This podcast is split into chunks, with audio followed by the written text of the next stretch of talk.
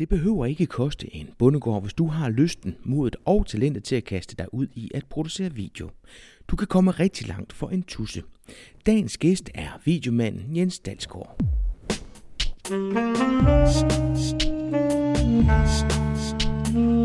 Velkommen til Potterkort, en podcast om markedsføring på internettet. Din vært er Ip Potter. Et website alene gør ikke ret meget for din markedsføring og din stedværelse på Google. Der skal mere til. Du skal have i gang i så mange medier og platforme, som du overkommer, for at blive så synlig som muligt. Og det er her, Jens Dalsgaard kommer ind i billedet. Udover at arbejde med mange aspekter af online markedsføring, så er han også videoentusiast. Jens Dalsgaard har et værelse fyldt med dimser, nogle som han har købt sig til, og andre som han selv stykker sammen af nogle mindre dimser. Men det handler ikke kun om udstyret, der skal også indhold og platforme til, og alt det kommer vi omkring i snakken om video. Så hvis du går og tænker på at bruge video i din markedsføring, så kan du med fordel sætte en times tid af til at høre denne episode af Potterkort.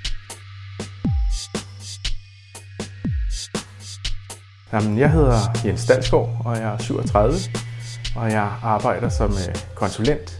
Jeg hjælper øh, mindre virksomheder med at forbedre deres netprofil, og det er primært ved at lave video. Jeg har også været inde over en hel masse andre ting, men det, der er hot lige nu i min verden, det, det er videoerne. Hvad mener du til netprofil?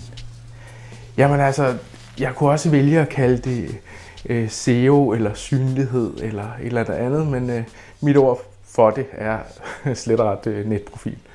Og det kunne, det kunne være hvad som helst. Altså alt, hvad man gør online for at blive fundet, eller blive set, eller formidlet. Det, det jeg samler som et begreb, jeg kalder netprofil. Så jeg skal lige forstå det ret. Så hvis jeg går ind og søger på en virksomhed, så sørger du for, at, øh, at de, de dukker op forskellige steder med forskellige medier og i forskellige versioner, eller hvad? Jamen, jeg fokuserer mest på, på videoer nu. Men jeg har jo også arbejdet med, med SEO og med AdWords. Så, så det er bare for at illustrere, at videoerne er faktisk en del af søgemaskineoptimeringsmixet. Ja, så, så, så du fokuserer på video? Jeg fokuserer næsten udelukkende på video nu. Ja. Hvad bruger du selv video til? Jamen, jeg bruger video meget til personlig branding. Og, det kan jeg så også se, når jeg kommer rundt steder, at, øh, at jeg, jeg bliver genkendt, og folk har allerede ved mødet øh, en eller anden fornemmelse af, at øh, de kender mig, og kan godt finde på at simpelthen starte en samtale ved at fortsætte et emne, jeg har, har talt om i en af mine videoer. Så, så hvad handler din video om? Ja, mine, mine videoer handler faktisk, øh, altså på min personlige blog, der handler de rigtig meget om egentlig at komme i gang med at lave noget video for at forbedre synligheden. Og alle mulige små tips til egentlig at komme ud over stepperne. Fordi at det, øh, det, det handler om, det er egentlig at komme i gang. Bare det, at man kommer i gang, der har man allerede en, en fordel i forhold, til, i forhold til konkurrenterne, fordi at der er så ekstremt få, der faktisk tør at gøre det endnu. Hvilket egentlig er meget synd. Ja. Så, så hvad er det, video kan, som andre medier ikke kan? Jamen det video kan, det er, det kan lave en øh, næsten personlig relation til, til publikum, hvor at, at øh, det er dig som person, der taler til publikum. Altså alle kan på, i en tekst skrive, at de er det bedste, men øh, hvis de stiller sig op foran et videokamera og snakker om det, eller måske får en glad kunde til at, til at snakke om, at jeg har været glad for at arbejde med, med den her virksomhed, så, så vægter det bare meget mere end, end det skrevne ord, når, vi, når vi nu snakker øh, online. Fordi det skrevne ord, jamen altså, det kan jo bare være ham selv, der har skrevet det. Det ligger sådan hele tiden latent i, i baghovedet, når, når folk sidder og læser øh, de her kundeanmeldelser forskellige steder. Så en kundeanmeldelse, hvor du rent faktisk snakker med en kunde, hvor du ser kunden i øjnene, er mere realistisk, øh, end hvis man bare skriver, at en kunde har sagt følgende. Ja, altså i hvert fald er det meget, meget sværere at, at ja, fingere, altså at, at snyde systemet. Altså jeg vil jo meget let kunne sætte mig ned og så skrive, at jeg hedder Johnny Hansen, og jeg er meget tilfreds kunden, og jeg fik super service. Men hvis der lige pludselig er et ansigt på, så, så er det bare meget mere, så vægter det meget mere. Så hvis nu jeg har en, hvis nu jeg har en webshop, hvis vi leger med tanken, hvad skal vi sige, jeg sælger, jeg sælger, lad os tage dem, der er flest af, brugskunst eller børnetøj. Jeg sælger børnetøj. Hvordan, øh, prøv, prøv, at, prøv at inspirere mig til, hvordan jeg kunne bruge video til at skabe mere salg på min webshop. Jamen, hvis det er børnetøj, jamen så, så vil det jo være en god ting at simpelthen øh, lave en video med, lad os kalde hende Lotte, som har butikken, hvor, man, hvor hun simpelthen præsenterer butikken. Hej, jeg hedder Lotte, jeg har den her butik. Det her det er min datter Ida, og hun går i det her tøj fra den og den producent. Man ser måske lige et, øh, et klip af mor og datter, der leger. Og lurer mig om øh, nybagte mødre, og sikkert også fædre, øh, virkelig connecter med den her person, fordi det er jo ikke bare en eller anden corporation, der forsøger at sælge dig noget. Det er faktisk en person, som er en rigtig person, som har en datter, som anerkender de behov, der er der, og så på den måde er der egentlig næsten en personlig relation. Man identificerer sig ekstremt meget med, med det, man ser, når der også kommer billeder på. Er det alle, der kan bruge video i deres markedsføring? Jeg har ikke stødt på nogen, som det decideret ikke kan. Altså, jeg, jeg har også prøvet at lave video af meget usexede produkter, og det kan stadigvæk øh, formuleres på, på, på en givelig måde. Altså, der er jo mange tekniske, mange tekniske produkter, der er ekstremt svære egentlig at øh, beskrive fordelene ved i en lang tekst. De har en tendens til at være sådan en lang specifikation af højde, bredde, øh, hvor meget strøm og alt sådan noget. Sådan en lang listning. I stedet for at sige, sådan her er produktet i brug. Men det gælder også at bruge videoen til at give en eller anden mere værdi til de produkter, øh, man har. Altså, så det ikke bare bliver sådan en produktpræsentation, men snarere, hvad, snarere sådan, måske over tips tricks afdelingen, altså hvor man går ind og viser, hvad det produkt kan gøre, hvad det er for en mere værdi, der ligger ved produktet, og dermed inspirerer folk til, hvorfor det skal købe det pågældende produkt. Ikke? Ja, altså hvis du for eksempel solgte, ja hvis vi tager børnetøjet, jamen, så kan man simpelthen illustrere, når den her bodystocking, den er specielt god, fordi den er nem at få på børnene, fordi den kan udvides meget i halsen, eller hvad det nu er. Eller hvis du sælger guitar, jamen øh, så vil det jo være rigtig fedt at måske lave en lille lektion til øh, den her guitar. Man kan høre, hvordan den lyder. Man kan se, hvor, hvordan det er at, at spille på den. Og på den måde, så skaber man egentlig også noget mere værdi, som ikke direkte har noget med produktet at gøre. Men jeg tænker stadig, der må være forskel på produkterne. Altså, vi købte et trommesæt til, til den ældste her for jul. Øh, og alt research, jeg lavede der, det foregik på YouTube, fordi du, du så trommesættet, og så havde du nogen, som sad og spillede, og som gav de her anmeldelser af produktet. Øhm, og jeg er ikke i tvivl om, at jeg købte et rigtigt trommesæt til, til prisen, øh, til hvad den skulle kunne kunne i forhold til nogle andre ting. Og jeg havde øje på noget helt andet, men, men på YouTube, der fandt jeg så ud af, at det her for øje på, det var simpelthen kvalitetsmæssigt ikke i orden, og derfor så gik jeg over til en ældre model, som så kan tåle at blive slået på. Det er en fordel, når det er trommesæt, ikke? Øhm, men jeg tænker, der må være stor forskel på produkterne, øh, men også hvem man er. Det er vel ikke alle, der kan brænde igennem på video? Nej, men der kan man så stadigvæk øh, bruge video til at, at beskrive et produkt. Jeg havde en kunde, som, som havde et produkt, og han ville gerne fortælle, hvor, hvor solidt det her produkt var. Og der var det netop, at det, det handlede meget om, jamen den er IP65 certificeret.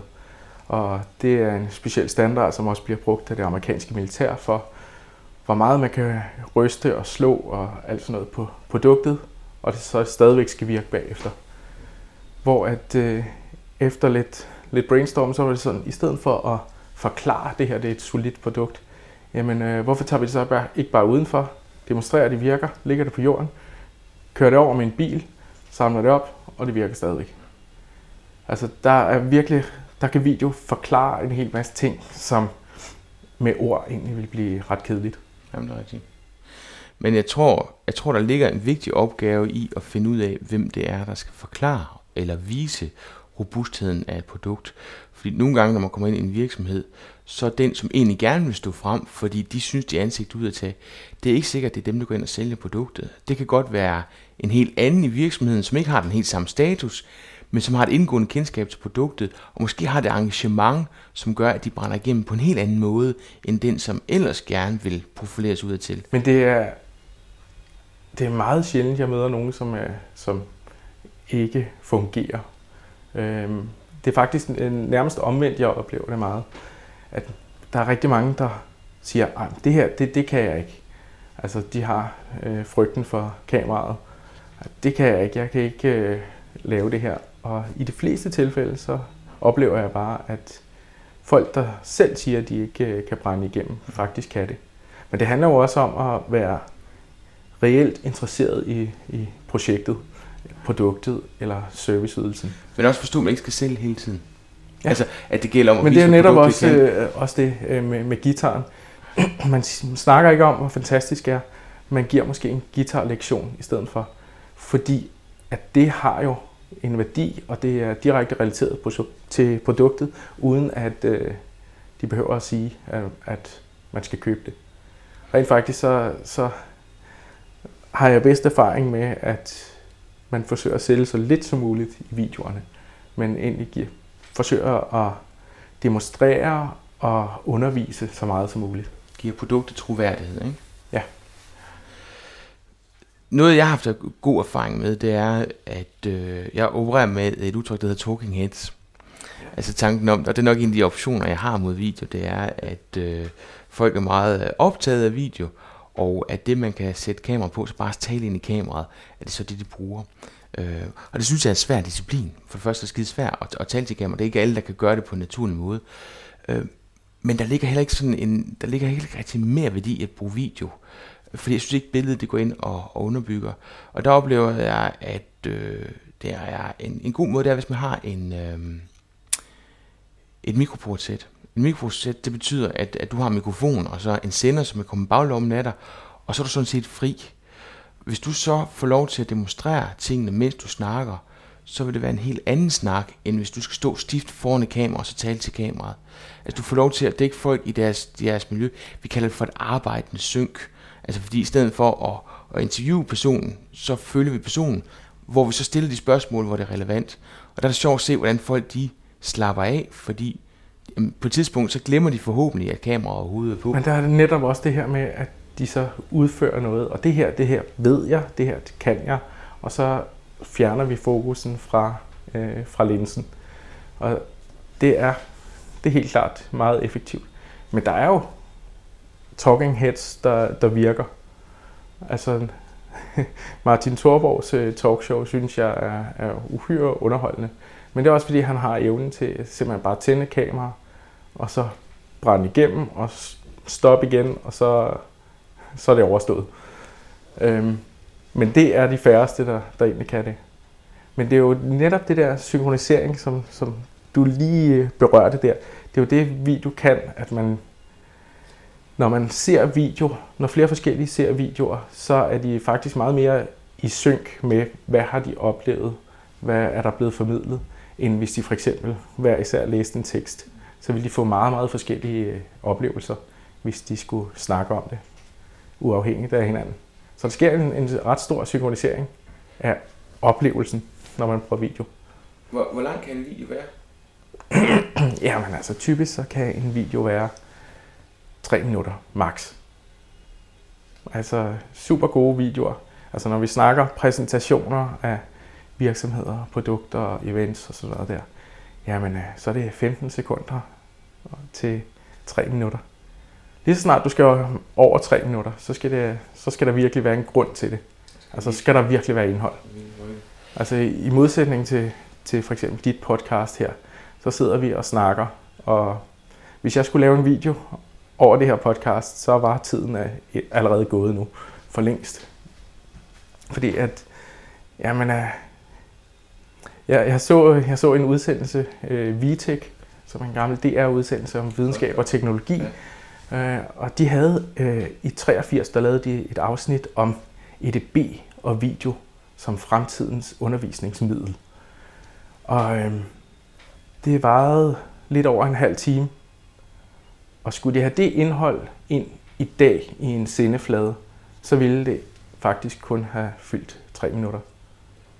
Fordi at vi er, blevet, vi er sådan en MTV-generation, og vi er blevet vant til, at vi skal bare have øh, punchline, punchline, punchline, punchline, slut. Og det er så præmisserne, video øh, er under. Så, så hastigheden i video skal være ekstremt høj sammenlignet med for eksempel et podcast. Og det er lidt derfor, jeg forelskede mig i podcast-formatet. Han snakkede med Karin Høgh den anden dag, som lever af at podcast, skulle til at sige. Hun, hun bruger al sin tid på at, at undervise om det, og, og, og kigge på udstyr, få købt udstyr hjem, og i det hele taget sprede budskab omkring podcasten. Og hun spurgte netop med den der tv-baggrund, jeg har, hvorfor det er så, at vælge podcaste. Og det er netop det der med at kunne komme i dybden med noget, altså bruge mere tid på det, fordi tv, jamen det var, hvis du laver en nyhed, ja, der er også nyheder i Vestjylland, så skal det være halvanden minut, ikke også? Fordi, øh, og så viser vi kontrasterne. Altså en, der står og råber, det her det er for dårligt, og en anden, som står og råber, det her det er helt fantastisk, og så kommer du en ekspert på i midten, ikke? Øhm, og der kunne jeg mærke, at alle mine kollegaer, som jeg snakkede med, der havde lavet radio, de øh, ønskede sig tilbage til radiotiden, fordi man havde den her tid og mulighed for at fordybe sig. Og der kan sige, at den dialog, vi har nu, selvfølgelig er den delvis struktureret, fordi vi har en, en forventning om, hvad det er, vi skal snakke om, men der dukker hele tiden nye ting op, øh, og det er der så plads til. Men det kunne så også kun gøre, fordi at du kan kravle ind i øret på folk, fordi hvis jeg skal sidde og kigge på det også, så falder jeg af, og tre minutter det er virkelig maks for, for mit område. Der er nogen, som ellers fortæller om nogle meget spændende emner, men som bare laver de her talking faces, sidder og taler til kameraet.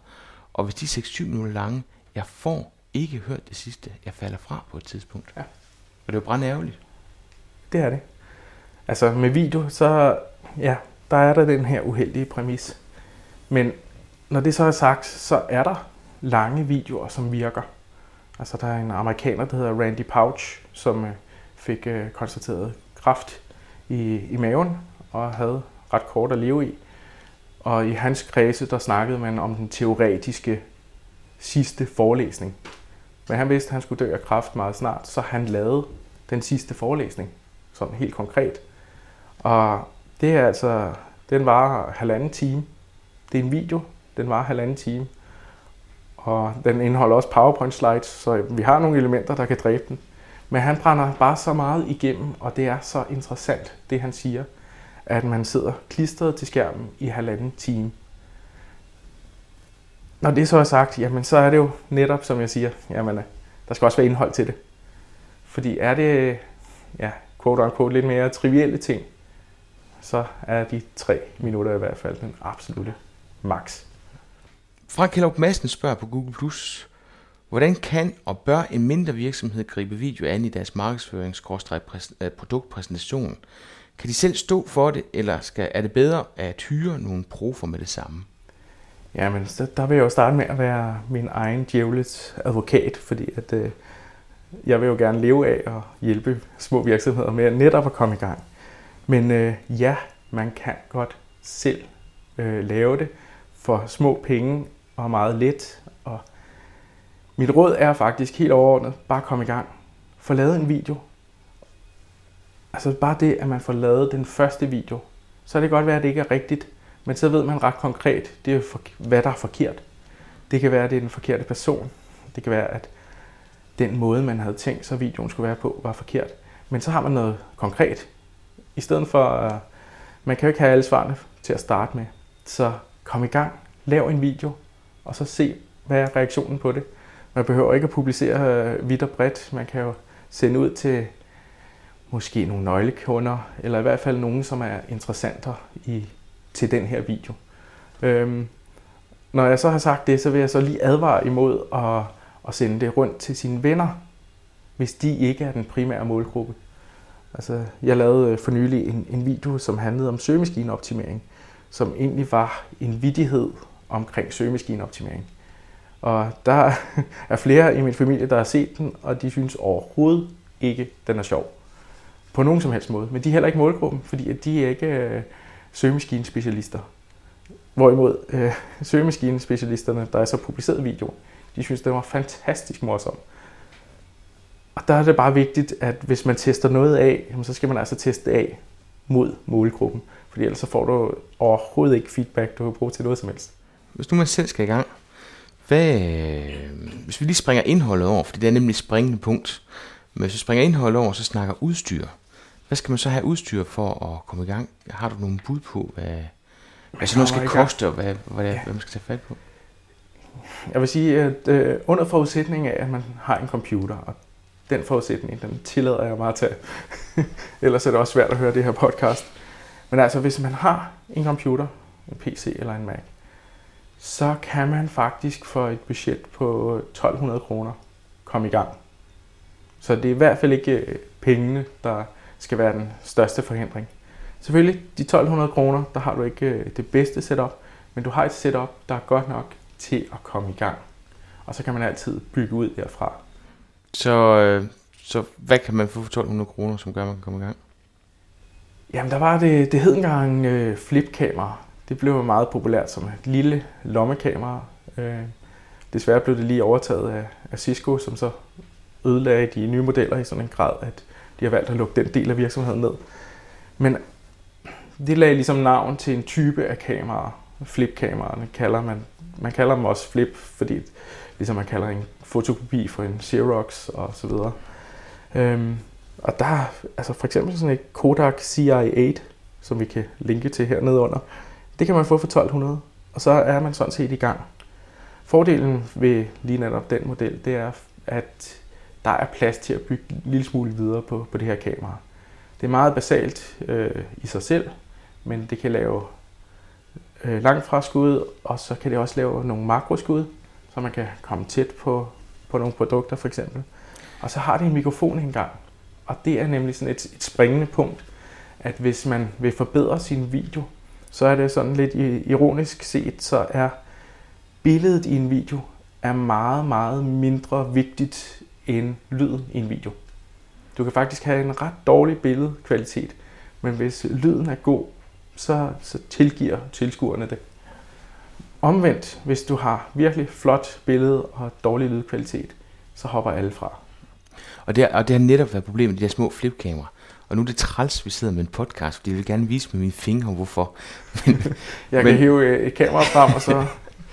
men, men det jeg egentlig prøver at vise med mine hænder på nuværende tidspunkt, det er, at kameraet er netop bygget sådan, at den tager lyden fremadrettet i sådan en, en dejlig cirkel, men den tager også lyden bagudrettet, godt nok i en mindre cirkel, men stadigvæk.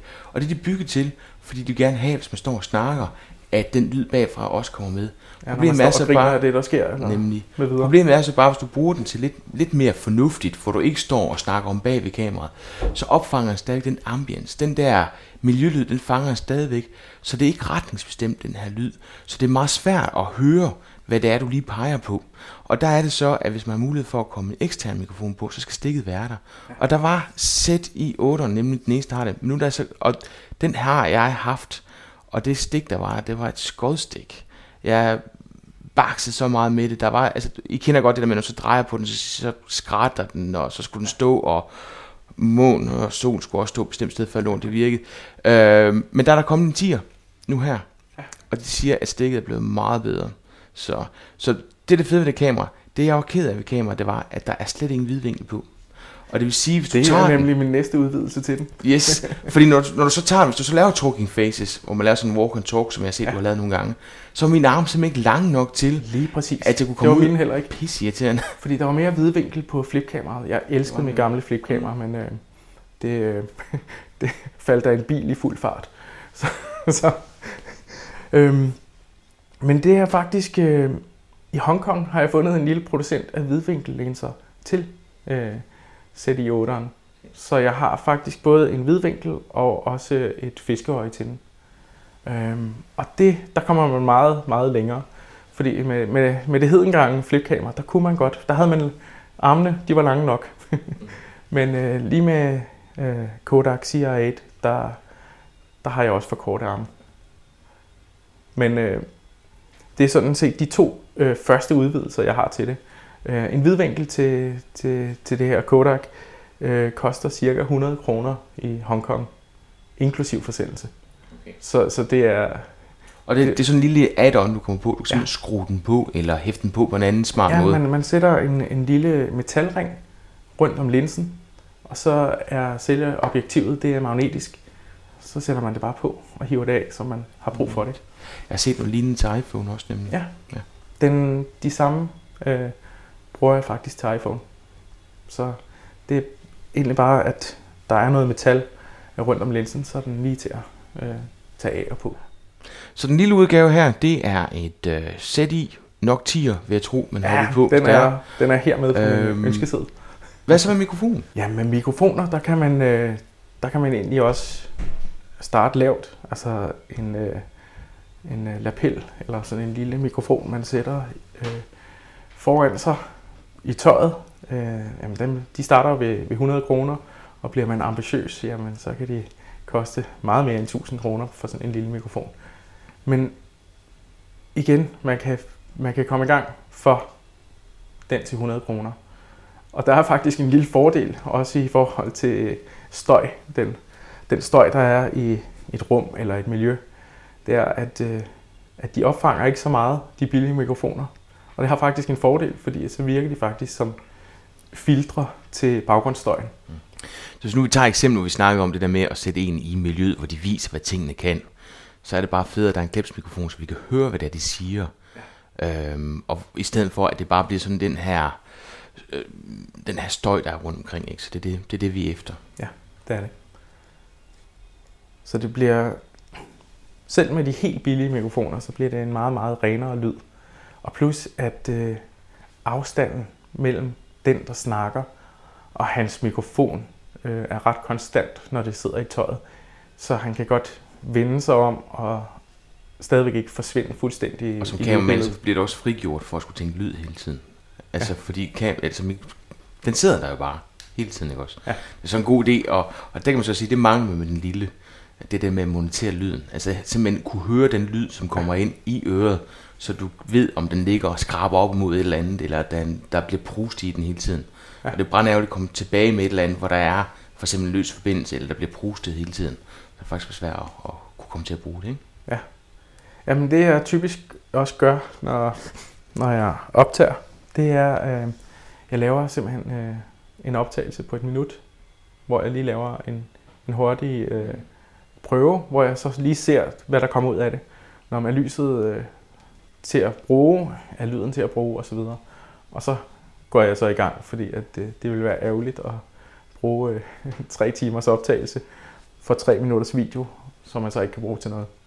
Så men i, hele tiden så vil jeg jo hele tiden understrege, at man kan altså komme i gang for meget lidt og med meget lidt. Og generelt for, for alle de her billige kameraer, det er jo så, at man skal have godt med lys. Så det er en god idé at, at optage, øh, hvor, hvor man har adgang til noget dagslys. Fordi at, øh, at sætte lys, det er, det er svært, og det er dyrt, og det er ekstremt tidskrævende. Så, så den vil jeg anbefale folk at, at undgå at komme i situationer, hvor at de skal lave alt for meget kunstigt lys. Har du bud på noget øh, mere udstyr, hvis man bliver lidt mere ambitiøs? Ja, altså nu snakker vi om mikrofoner, og så kan jeg jo ikke komme uden om øh, øh, røde, eller Rode øh, mikrofonen, som er en helt fantastisk øh, mikrofon, som egentlig også er, er, er meget, øh, kan bruges til meget. Som udgangspunkt, så er, den, så er den til at sætte oven på et kamera, så man kan følge den rundt. Og man kan faktisk også øh, øh, bruge den lidt som lidt eller en, en boom mic, altså de, en af de her mikrofoner, man ser folk holde hen over øh, dem, der bliver interviewet. Man kan godt sætte den på stativ eller på stang også, og, sådan, og, og få brugt den i mange situationer, sådan, så den egentlig kan bruges som ja, forskellige typer mikrofoner. Prøv lige at forklare, hvordan den ser ud. Det er simpelthen det værste plastik, jeg nogensinde har set. Og det skal Ja, man selv tage fejl af. Meget, meget stompieragtigt. Mikrofonen den hænger simpelthen i, i nogle elastikker. Og det gør, Ja. at den fanger ikke alt det håndstøj, som er. Og så har det er netop derfor, den, den kan sidde direkte på kameraet. Ja. Det er fordi, at der ikke er en direkte sådan mekanisk øh, forbindelse til kameraet fra mikrofonen. og, Og så, ellers så ville du opleve en hel masse knirkelyde og sådan noget der med et kamera. og i forhold til min tegning fra før, hvor jeg havde de her, det her 8-tal rundt om mikrofonen, så er den her ekstremt retningsbestemt. Og det betyder, at hvis nu vi leger, jeg filmer, og du sidder og klapper på et tastatur, hvor jeg med et flipkamera bare vil få sådan en generel lydbillede, lige snart røde den er koblet på, så jeg simpelthen kunne høre, at du sidder og taster, og dermed skal jeg bruge lyden meget mere effektivt i mit, arbejde. Og den koster en 700 kroner. Altså på engelsk hedder det også en shotgun mic, og det er simpelthen også bare fordi, at man kan, ligesom et, et andet øh, jagtgevær, så, så sigter man på det, man vil have lyden af, og så er det den lyd, man får. Men det kræver så også, at du sigter på det, du gerne vil have lyden af. Det gør det nemlig. Så det er også et, et, skridt, et skridt op af stigen. Fordi det er jo sådan, at jo mere avanceret øh, udstyret bliver, øh, jo mere skal du også vide. Altså når vi snart tager de her øh, små lommekameraer, jamen, så tænder du for det, og så går det i gang. Og meget mere er der ikke, man skal vide. Altså, den røde lampe skal lyse, og så, så er det egentlig det. Men hver gang du opgraderer dit udstyr, så kommer der lidt mere viden og know-how, der skal ind over. Så hvis vi skal gå helt til ekstremen med for eksempel kameraet, hvad er så næste skridt? For nu laver vi en hel masse videoer, og nu skal det bare sidde i skabet. Jamen, øh, så kan man jo faktisk bruge øh, de fleste spejlreflekskameraer i dag, øh, har også videofunktionalitet. Og så får du altså øh, mulighed for at lave optagelser, som er meget, meget svære at skille fra de Hollywood-produktioner, der, der er. Hvis man så ved, hvordan man øh, opererer udstyret. Fordi hvis man ikke har interessen, så skal man slet ikke gå derop overhovedet. Fordi at så vil man bare øh, dræbe sig selv i frustrationer over, at man ikke kan finde ud af at få et skarpt billede, og, og hvidbalancen er helt af helvede til, og man kan ikke styre lyden. Og, altså, der er rigtig mange ting, man skal have styr på, jo bedre udstyr man egentlig får. Så skal man også selv i samme takt blive bedre til at håndtere det. Så billig udstyr har stor tolerance, kan man sige. Hvis jeg peger mod dig, så er du skarp. Det er baggrunden nok også. Ja. Og dermed så er det svært at lave noget uskarp. Når du tager fat i spejlreflekskamera, så har du netop muligheden for at kunne udlægge dybdeskarpheden, og det er det, der gør, at der kommer fokus på. Ja. Så hvis jeg stiller fokus på dit ansigt, så står du knivskarpt, og baggrunden den er sådan lidt bløret. Ja. Og, og det, er jo, det er jo det, der er så fedt. Til det er det, der skal for, for, for, sørge for fotografier og film mm. og sådan mm. noget til, til at se professionelt ud. Folk øh, behøver ikke engang at lægge mærke til det, men de kan bare se, uh, det her ser professionelt ud. Fordi der er det her billede af ham manden, og hans øjne, de står bare knivskarpt. De, det er ikke engang nødvendigvis noget, de øh, registrerer bevidst. De kan bare se, det her, det er professionelt, og det her, det er billigere udstyr. Dybdeskarpheden, det er nemlig det, det helt store springpunkt. Men også et springpunkt, der gør, at det er meget mere svært, fordi at man skal holde øje med, hvad man laver. Fordi hvis jeg er i fokus nu, og jeg læner mig lidt tilbage, så er jeg ikke længere i fokus. Og så, det kræver så noget af kameramanden, at han hele tiden sørger for, det der sker, det er i fokus. Så, så det kræver meget mere. Hvor at de andre, det er ligesom øh, digital kamera, jamen så er det sådan point and, point and shoot. Ja. Og sådan er det også med, med videokamera. Og så har de jo slet ikke fulgt med på lydsiden. Så typisk så køber man sådan en som den her, som man så kobler ovenpå. Ja. Fordi du kan ikke styre lyden løbende. Og, og jeg vil sige, men det er, jo, det er så også min holdning til det, som når man løber rundt med et tv-kamera, at, at de er jo heller ikke bygget til at lave video med. Nu kommer de så også, at de er bygget til at lave video med.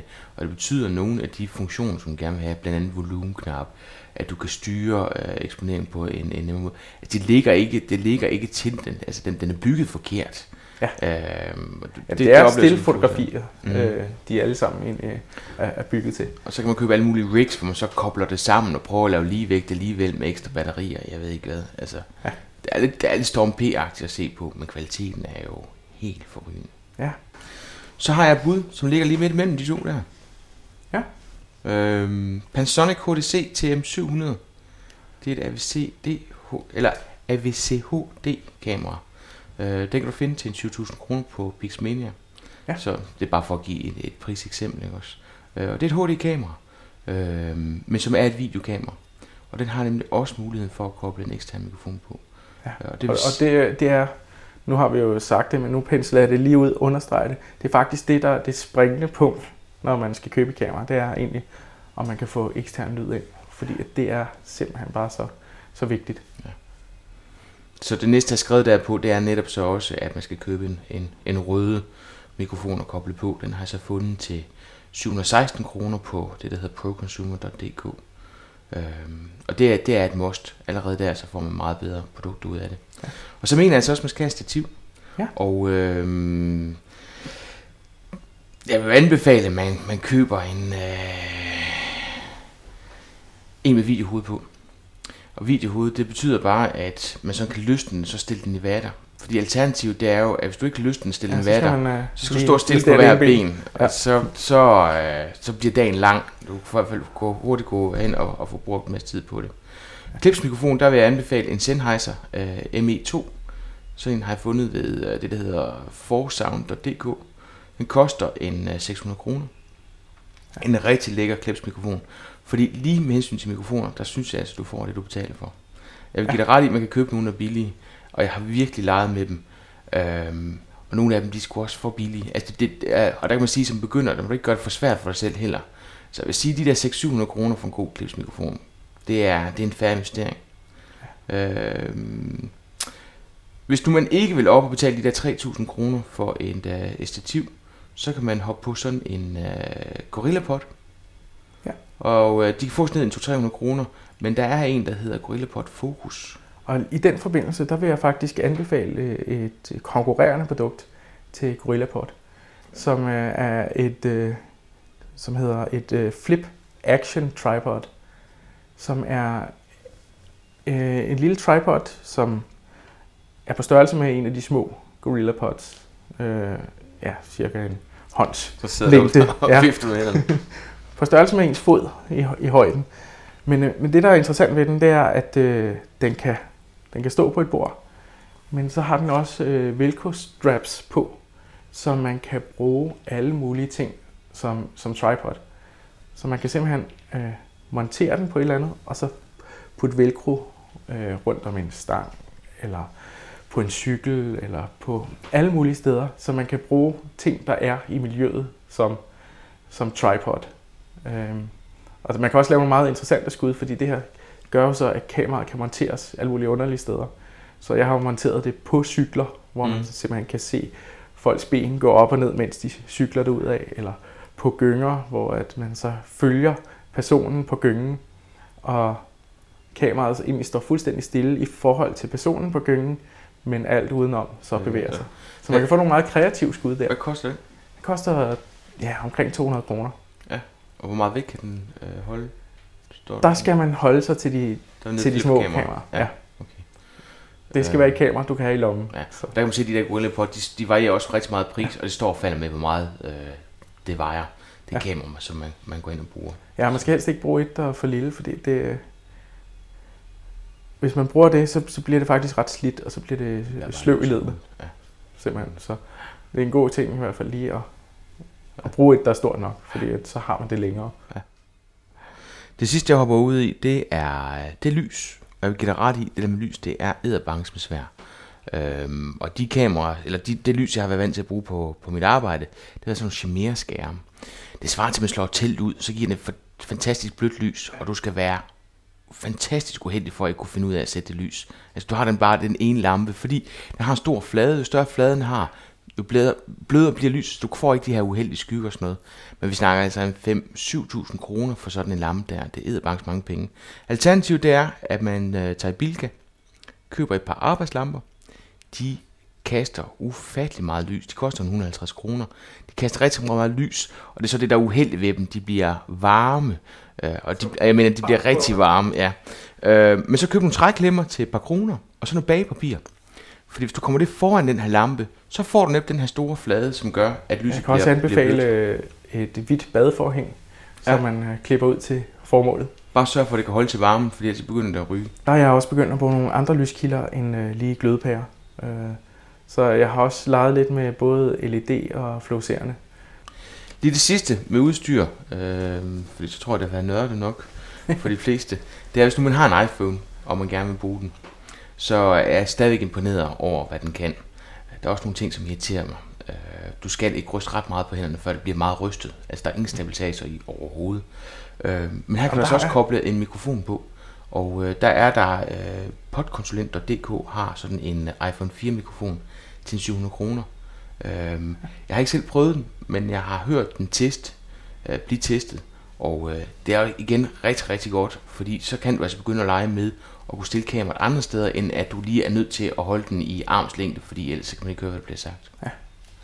Ja, nu skal vi også øh, pointere, hvis man har, hvis man har mulighed for at optage lyden for sig, så kan man jo holde billede og video også adskilt. Så man kan også bruge et kamera uden lydindgang. Men det kræver så, at man har styr på at få synkroniseret lyden og billedet bagefter. Og så, så det kræver noget mere. Ja, og det tager længere tid. Lige præcis. Så- Og man skal holde styr på så ufattelig meget mere i redigeringsfasen. Hvilke software bruger du, og hvad du anbefaler en newbie at kaste sig ud i? Og når det er med software, så er det redigeringssoftware til, ja. til video. Men der, der vil jeg jo faktisk foreslå, at øh, man bare bruger det, man har. Og det er egentlig en mantra, som jeg kommer, altid kommer tilbage til, når folk spørger mig, Jamen, hvad skal jeg så have? Og sådan noget. Jamen, start med at bruge det, du har. Nu var vi lige inde på iPhone. Det er der mange, der har. Prøv at lave den første video der. Og så put den ind, hvis du er på en PC. Jamen, så put den ind i Windows Movie Maker og få lavet en grov redigering der. Altså, der er meget lidt forskel på, på outputtet, når man laver en meget, øh, lad os kalde det en primitiv video. Om du bruger det ene videoredigeringsprogram eller det andet, det er noget med, med arbejdsgangen, der, der bliver anderledes software imellem. Men brug det, du har, og kom i gang. Så jamen, det er jo iMovie til, til Mac, eller Windows Movie Maker til PC. Bare for at komme i gang. Fordi jeg, jeg, jeg synes, det er forkert at, at foreslå, at, øh, at man bruger 15.000, inden man overhovedet finder ud af, om, om det er noget. Altså, så synes jeg, det er bedre at, at vokse med opgaven. Altså, jeg selv, jeg bruger noget, der hedder øh, Final Cut Pro, og jeg startede egentlig med at bruge øh, iMovie, og så opgraderede jeg så til Final Cut Express, og den har, ja, den koster 1500. Og så var der lige nogle ting, ekstra ting, jeg godt kunne tænke mig at lege med, da jeg var nået så langt, og så blev det så til Final Cut Pro, som ligger omkring øh, 7.000 kroner. Men, når det så er sagt, så vil jeg faktisk ikke anbefale Final Cut Pro, hvis man vil noget i, i fremtiden med, med det her video. Fordi at øh, den nyeste version af Final Cut, som hedder Final Cut X, øh, den har så radikalt ændret sit interface, at øh, de fleste, som interesserer sig for, for video, faktisk helt har, har forkastet den. Den bliver mest af alt sammenlignet med, med iMovie på steroider. Og der er faktisk en enkelt dansker, som har været umiddelbart positiv over for den, men han har så trukket i land igen. Han er godt nok blevet irriteret over det. Det er Kenneth Lund. så jeg var meget spændt, fordi han var ikke helt afvisende, da, det, da han startede, men øh, det, jeg tror, han er færdig med den. Og det er, altså, det er en katastrofe, fordi Cut Pro havde bare så godt et ry. Også? Men det er, det, jeg har simpelthen, det er det bedste, jeg nogensinde har brugt. Så jeg er bare, bare så ked af at føle, at produktlinjen faktisk stoppede. Altså, vi havde et overlegen produkt, og den næste version var så radikalt forandret, at det ikke var det samme produkt overhovedet. Og der synes jeg, det, det, det er meget... Det er lidt Apple-agtigt. Jeg, jeg kan godt lide Apple, jeg er meget glad for det. Jeg er sådan lidt en fanboy, men de laver altså bare nogle underlige ting, når, når, når det gælder produktudvikling. I den nye version, der kan man ikke importere sine gamle projekter. Men hvis vi så går over til konkurrenten, som er uh, Adobe Premiere, der kan man godt importere de gamle projekter, man har, altså de gamle film. Og det er nok den vej, jeg går, når jeg skal opgradere næste gang. Men mindre der sker noget radikalt. Er det. Så, så hvis vi lige løber det igennem, så er det iMovie, som er gratis, hvis det er til en Mac. Så er der øh, øh, Expressen, øh, som så er, er et, et gammelt stykke software nu, men som stadig virker. Og så er der Pro-udgaven, som også er gammel, fordi der kommer ny afløser, som så ikke øh, er god nok. Og så er der Adobe-produkterne. Ja. Hvis vi kigger på øh, Windows, så har vi Movie Maker, som er gratis. Ja. Så har vi øh, også noget øh, Sony Vegas, øh, som jeg ikke lige kan huske prisen på. Og så vil vi så gå op til også Premiere, altså Adobe Premiere-produkterne. Så, så det, er lidt, øh, det er lidt sjovt, at øh, faktisk øh, både Mac og PC-niveau, øh, miljøet egentlig havner op øh, i det samme produkt. Der, der er lige sidste program, jeg vil nævne, og det er den, der hedder uh, Pinnacle Studio DV. Den koster omkring 1000 kroner, den findes i forskellige udgaver. Uh, jeg kørte videokurser i 10 år på TV MidtVest, tror jeg. Og I begynd, og har været igennem alle mulige systemer, lige fra da de koster 50.000 til at starte med, til at de kom helt ned den pris. De sidste hold, jeg kørte, der blandede jeg, altså om man kom, jeg var ligeglad med, hvad, redigeringssoftware man kom med, for de minder utrolig meget om hinanden. Så jeg kunne sagtens supportere dem. Vi snakkede mere om indhold, hvordan er det, vi filmer det her, hvordan får vi det klippet sammen. Øhm, men der var rigtig mange, som øh, endte ud med at bruge Pinnacle Studio DV, fordi det koster en tusse. Og jeg våger påstå, hvis man tænker over, at de 1 og 0, som man får samlet op på sit kort eller på sit bånd, det er de samme 1 og 0, som kommer over i computeren. Så der skal ikke nogen forvrængelse der. Så det er mere, hvad det man kan nå at lave skade i redigeringssoftware som afgørende. Ja. Og der var der bare mindre skade, man kunne lave på den. Fordi for eksempel noget så banalt som, der hænger lyd og billede bare sammen som standard.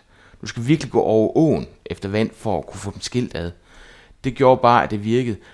Nogle gange i Adobe-produkterne, hvis de har siddet langt nok med det, så fik vi den her Bamseline-effekt med, at man siger et eller andet, og munden bevæger sig asynkron, ikke også?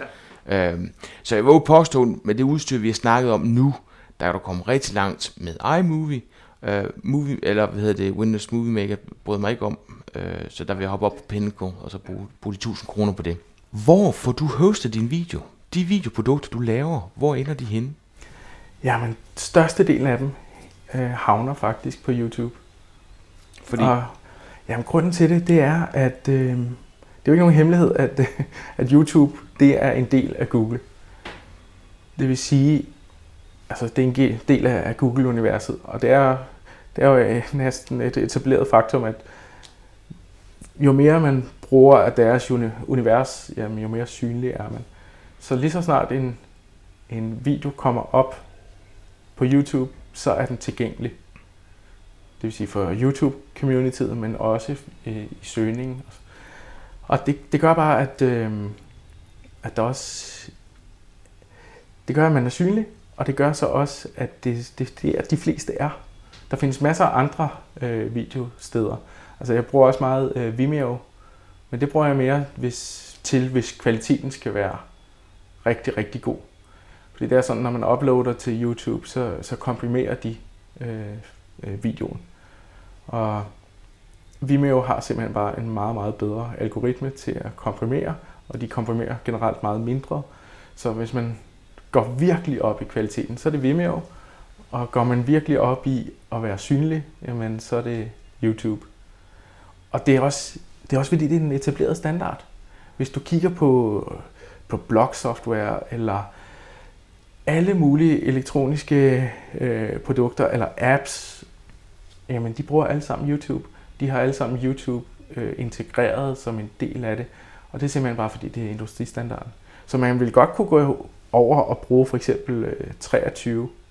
De har lavet et site, der hedder 23 Video, som også leverer fantastisk kvalitet og koster en hel masse penge. Der, der starter man øh, med 675 kroner. Nej, ikke engang kroner. Dollars. 675 dollars om måneden for at få hostet sin video. Så skal man altså virkelig øh, altså, tjene det, penge på det. Det er crazy. Jeg, jeg, jeg kan slet ikke forstå det. Er, er der andre end offentlige virksomheder, som bruger H23? Altså, det er, jeg, jeg kan slet ikke så, hvad det er, man får for pengene. Altså, men det er igen det der med, der er jo nogen, som har brug for, at der skal være nogen, som tager telefonen, hvis man ringer til dem. Og det er vel det, de får lov til at betale for, ikke? Det er det nemlig. Jamen, der findes også en hel masse andre. Der er Blip TV og Butler og Dailymotion. Og en hel masse platforme, men øhm, problemet med dem er, at de er typisk målrettet meget til det amerikanske marked.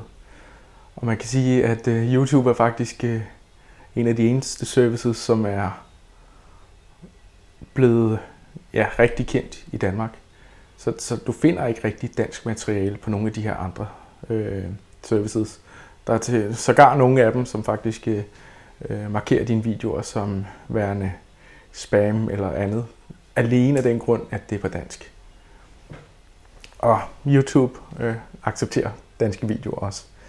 Så, så det, hvis man skal sige det helt opsummeret, så er det simpelthen fordi, at det er det, der er. De andre er ikke rigtigt i Danmark. Men det man kan spekulere i, det er, når vi nu ved, at video dukker op som en del af en Google-søgning. Altså, nogle gange så er der nogen, der siger, jamen, vores kunder, de sidder ikke og søger på YouTube. Nej, men en video, som får mange visninger, vil dukke op ved en helt almindelig søgning på Google. Hvis man gerne vil sætte sig på flere pladser, så kan der godt ligge en fordel i at have det samme produkt, men gå ind og lave nogle versioneringer. Upload en til YouTube, som du som søgemaskine optimerer til nogle, et bestemt søgefrase. Tag en anden version af den, upload til Vimeo, hvor du søgemaskine efter en anden frase, tag Blip TV, hvor det er en tredje frase, og på den måde kunne ramme flere ved at, at gå ind og bruge det. Og fælles for dem alle sammen er jo, at de har koder, så de kan embeddes på forskellige sites. Det er så nok tip nummer to, det er, at man sørger for, at det ikke kun ligger der, men at det ligger på diverse blogs øh, og andre steder, hvor det kan integrere. Fordi jo flere steder det ligger, jo mere trafik bliver det genereret, jo mere trafik der bliver genereret, jo større en værdi får den i Googles øje, fordi det er jo ligesom hvad skal man sige, en visuel form for linkbuilding. Og det er faktisk også en af, af hemmelighederne med succes med, med video. Det er at kigge på det som en helhed, og så også bruge hele økosystemet. Det vil sige, put den online, integrere den, embed den på, på, på din egen hjemmeside, opfordre andre til at gøre det samme. Øh, nævn den på, øh, på Twitter og på Facebook, eller nævn den på Twitter og embed den for eksempel på, på Facebook og Google Plus og sådan noget der, sådan, så kommer hele økosystemet rundt. Øhm, fordi så, så har den også øh, mulighederne for at blive spredt. Så hvis man får en, en mail med en video, så kan den mail også sendes videre, eller man kan dele et, øh, et Facebook-indlæg videre, eller et Google Plus, øh, som er ja, stort set på den samme måde. Men allerede der, så skal vi helt tilbage til, hvad er det for en video, man skal have lavet? Fordi hvis præcis. jeg står med produkt og råber til hele verden, det her det er kanonprodukt, kom og køb det af mig. Så, er så har det ingen skid værdi for nogen som helst. Nej, der er ingen, der gider at dele det. Det er faktisk, øh, jeg plejer at sige, at jo mindre der bliver sagt om afsenderen af videoen, øh, jo bedre. Øh, jeg har lige lavet en video for en kunde, som er i rejsebranchen, og der er meget, meget tydelige afsender på. Og det er bare et af de elementer, der gør, at en video ikke bliver viral. Hvis der står Red Bull over alt på en video, så bliver den bare ikke delt videre, fordi så tænker vores hjerne, hold da op, det her det er bare helt vildt kommercielt. Det ville mine venner jo synes, at jeg så reklamerede for noget, hvis jeg sendte den her videre. For eksempel Red Bull, de har faktisk øh, så gjort det rigtig, rigtig godt med, at de tager nogen, som er topatleter inden for sportsgrene, som vi ikke kender så meget til herhjemme, med at, at cykle op og ned af ting og på ting, og, eller hoppe øh, fra bygning til bygning, sådan nogle sportsgrene. Øhm, og så lader de bare øh, sportsudøverne fortælle om den her sport, og man ser nogle virkelig flotte skud, hvor de dyrker den her sport, og virkelig, virkelig lækkert lavet.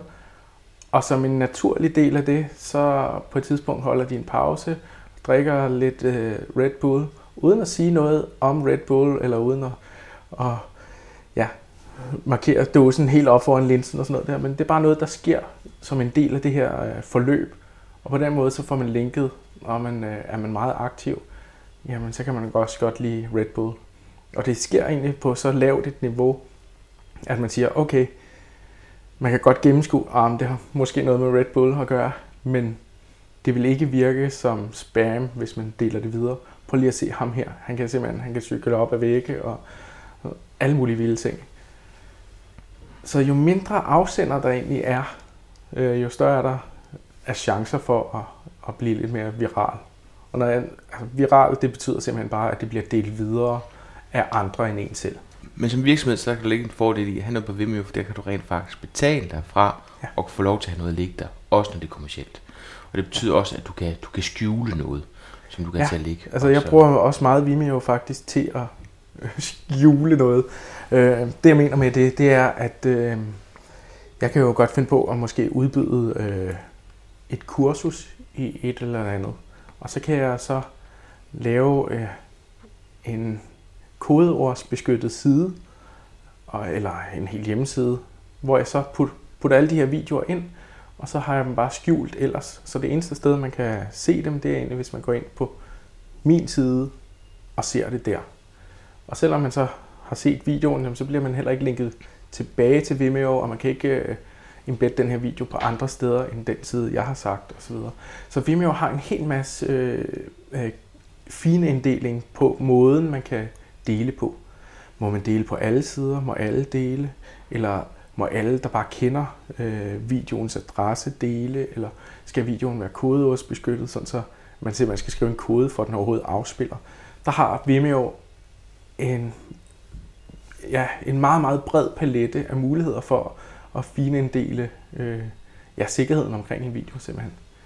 Så hvis man har indhold, man kun vil dele med sine kunder, eller kun vil dele med dem, der betaler for det, jamen så har man virkelig gode muligheder med, med Vimeo. Og det sidste, jeg vil sige omkring Blip TV, det er, at den har også nogle... Øh, altså, det er den med flest funktioner på overhovedet. Det er helt crazy, hvad der findes af muligheder der. En af de funktioner, som jeg godt kan lide, det er det der med, at man til en kunde kan levere en player. Den player, den embedder de, og så kan man fra Blip TV sidde og arrangere, hvad det er for nogle videoer, der kommer.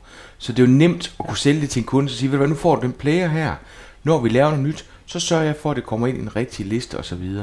En rigtig, rigtig lækker funktion, synes jeg. Hvor går du hen for at blive klogere på brugen af video? Ja, men altså nu, nu, nu skal helikopterperspektivet her, det skal jo også være, være en lille smule om markedsføring. Og med, med det i mente, jamen så et af stederne, det er et sted, der hedder Real SEO, som egentlig er en, en blog, som handler om video og søgemaskineoptimering øh, samlet. Så de, de skriver mange øh, inspirerende blogindlæg. Mange af dem er, er meget korte, men det er bare lige, hey, prøv lige at se det her, og prøv lige at lægge mærke til det her, og de her gør det her. Så, så de, øh, hvis man interesserer sig for søgemaskineoptimering, markedsføring og video, jamen, øh, så er det et godt sted at få noget inspiration.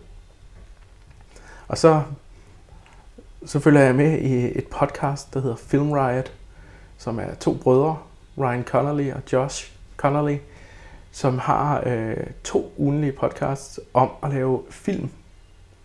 Og der gennemgår de jo, øh, de gennemgår special effects, de gennemgår udstyr, de gennemgår øh, teknikker, man kan bruge, og øh, de laver bare noget, der er helt fantastisk. Øhm, og det er også fantastisk, hvis man ikke interesserer sig for video, fordi at de episoder, de laver, altså når de skal beskrive en måde at gøre noget på, så laver de en lille kortfilm, og de er som regel uhyre underholdende. Altså, jeg sidder tit og skraldgriner øh, af så, det, de laver. Så det er en videopodcast? Det er en videopodcast, ja. ja. Okay, super, den skal huske link til. Den er altså meget, meget morsom. Og så, jamen hvis man gerne vil lære en hel masse om video, så er der en gut, der hedder Izzy Hyman, som har et site, der hedder easyvideo.com, som egentlig er en skole for videografer. Så øh, han går, han går egentlig bare ind og laver undervisning om alt fra at sætte lys til lyd og til hvilke kameraer og kamerateknikker osv. Han har en, en utrolig masse øh, information gratis. Han har blandt andet det bedste øh, jeg overhovedet har set. Øh, han har lavet en tutorial, øh, en guide til, hvordan man bruger Final Cut Pro. Og det er, ja, det er den bedste, jeg har set. Betalt eller ubetalt. Men den øh, ligger han i hvert fald gratis også der. Han har også lavet en til Final Cut øh, X, men øh, den har jeg ikke set så meget af. Mm. men hvis jeg virkelig skal slappe af, jamen, øh, så så hører jeg jo selvfølgelig Pottercut, men jeg slapper også af med en, en gut, der hedder Leo Laporte, som laver øh, øh, et podcast. Så det er egentlig et radioprogram, som han øh, har hver weekend over det meste af USA og Canada, som hedder The Tech Guy, hvor at øh, lyttere ringer ind og spørger om alt, hvad der vedrører elektronik, og så sidder han i, ja, i tre stive timer og, og snakker om det. Øhm, og det er sådan et call-in show, så, så sidste gang jeg hørte det, så var der også en dansker, en der hed Rasmus, der ringede ind og spurgte om noget.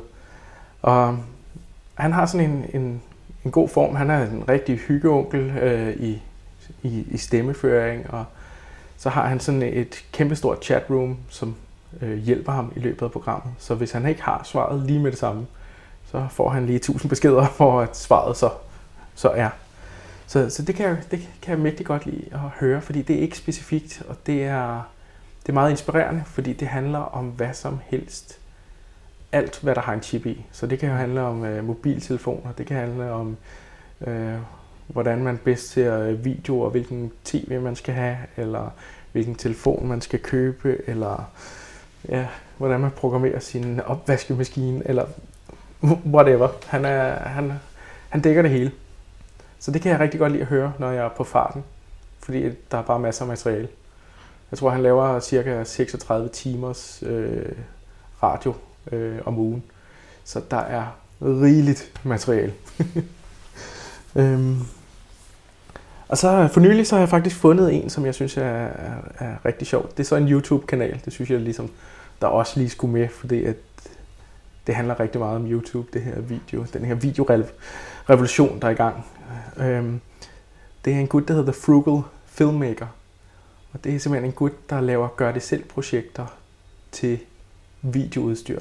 Altså, hvordan laver man en, en jib eller en dolly. Og nu skal, en jib, det er simpelthen bare en ekstrem lang stang, hvor man kan sætte en, øh, et videokamera ude for enden, og så kan man lave nogle skud højt op fra, eller panorere over, øh, over et træ, eller hen over en bygning, eller ja, alt efter hvor langt den nu er. Men det er bare sjovt med alle de her gør det selv projekter.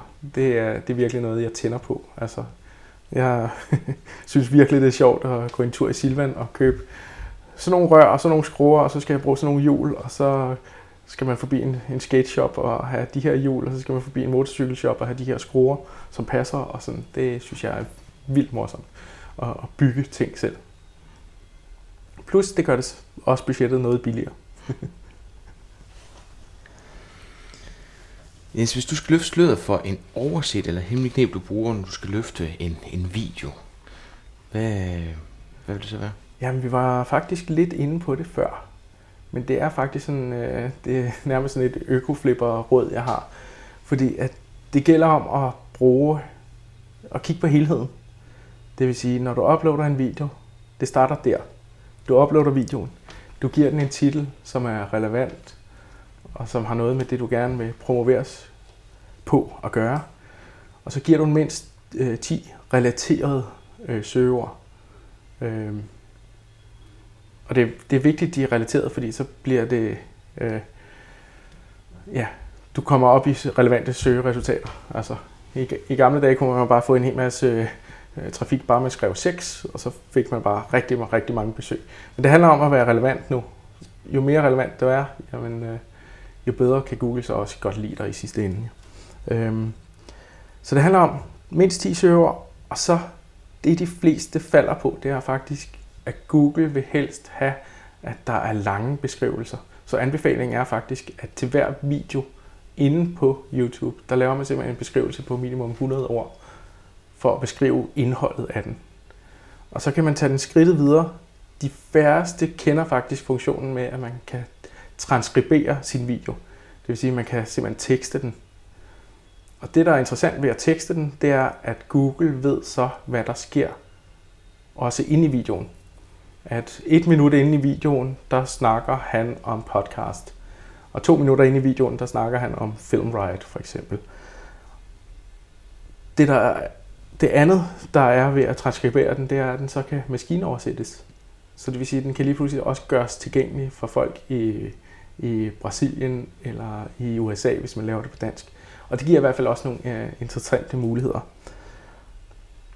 Og en anden ting, som mange overser, det er faktisk også på, på sin hjemmeside, så embedder man de videoer, man laver, og så huske at lave et uh, øh, XML til videoerne. Altså, de fleste kender godt øh, uh, XML, som er et, et sitemap, der fortæller Google, okay, her er mit site, her er de forskellige adresser på mit site, og de bliver opdateret så og så tit.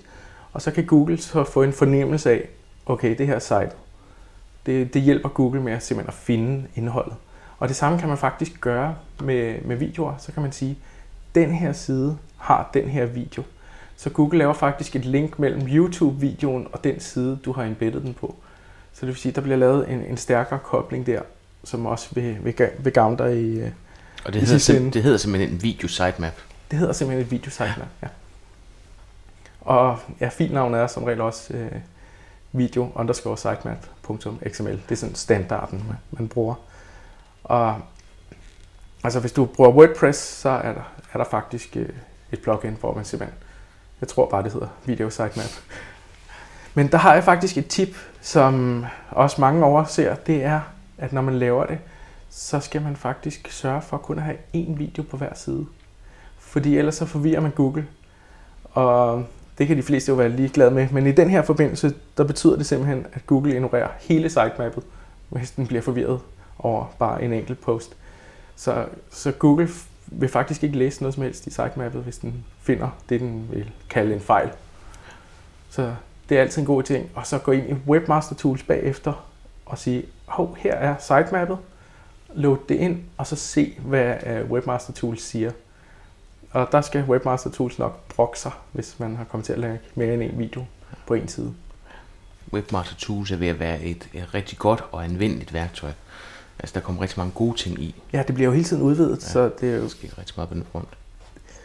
Men det er jo ligesom Google. Det bliver sværere og sværere at, at undgå at komme udenom, jo. Jens, hvis du skulle foreslå en ny gæst til Potterkort, hvem skulle det så være og hvorfor? Jamen, jeg tænkte meget over det, og øhm, det var faktisk sjovt, fordi dem, jeg lige umiddelbart tænkte på, det var faktisk nogen, som allerede havde været i showet, så jeg måtte lige sådan gå i tænkeboks lidt mere.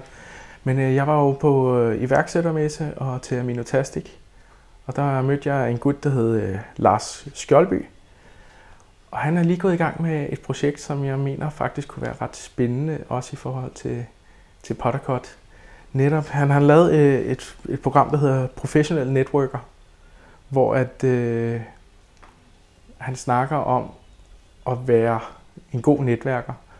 Og jeg ser det meget faktisk også som øh, en meget, meget vigtig markedsføringsparameter i fremtiden. Det er simpelthen netværk. At jeg hyrer dem, du anbefaler, og hvis, hvis du anbefaler mig, så vil den kunde, du sagde det til, egentlig tage, tage det meget mere seriøst, end hvis jeg gik ud til kunden og sagde, hey, jeg er dygtig. Det svarer lidt til at gå ind, i, ind på en bar. Hvis jeg går ind på en bar, og så får jeg øje på, på en pige, og så siger jeg, hey, jeg er bare super fed, skal vi gå hjem til mig? Så, så tror jeg, enten vil hun ignorere mig, eller også får jeg helt drinken i hovedet. Øhm, men hvis jeg går ind på baren, og hendes veninde siger, hey, det er Jens, han er super fed, så tror jeg, jeg har en meget bedre chance. Og, og der tror jeg, at det, det kunne være rigtig spændende at høre hans vinkel på øh, netværk som øh, markedsføring. Det tror jeg godt, han kan bidrage noget med.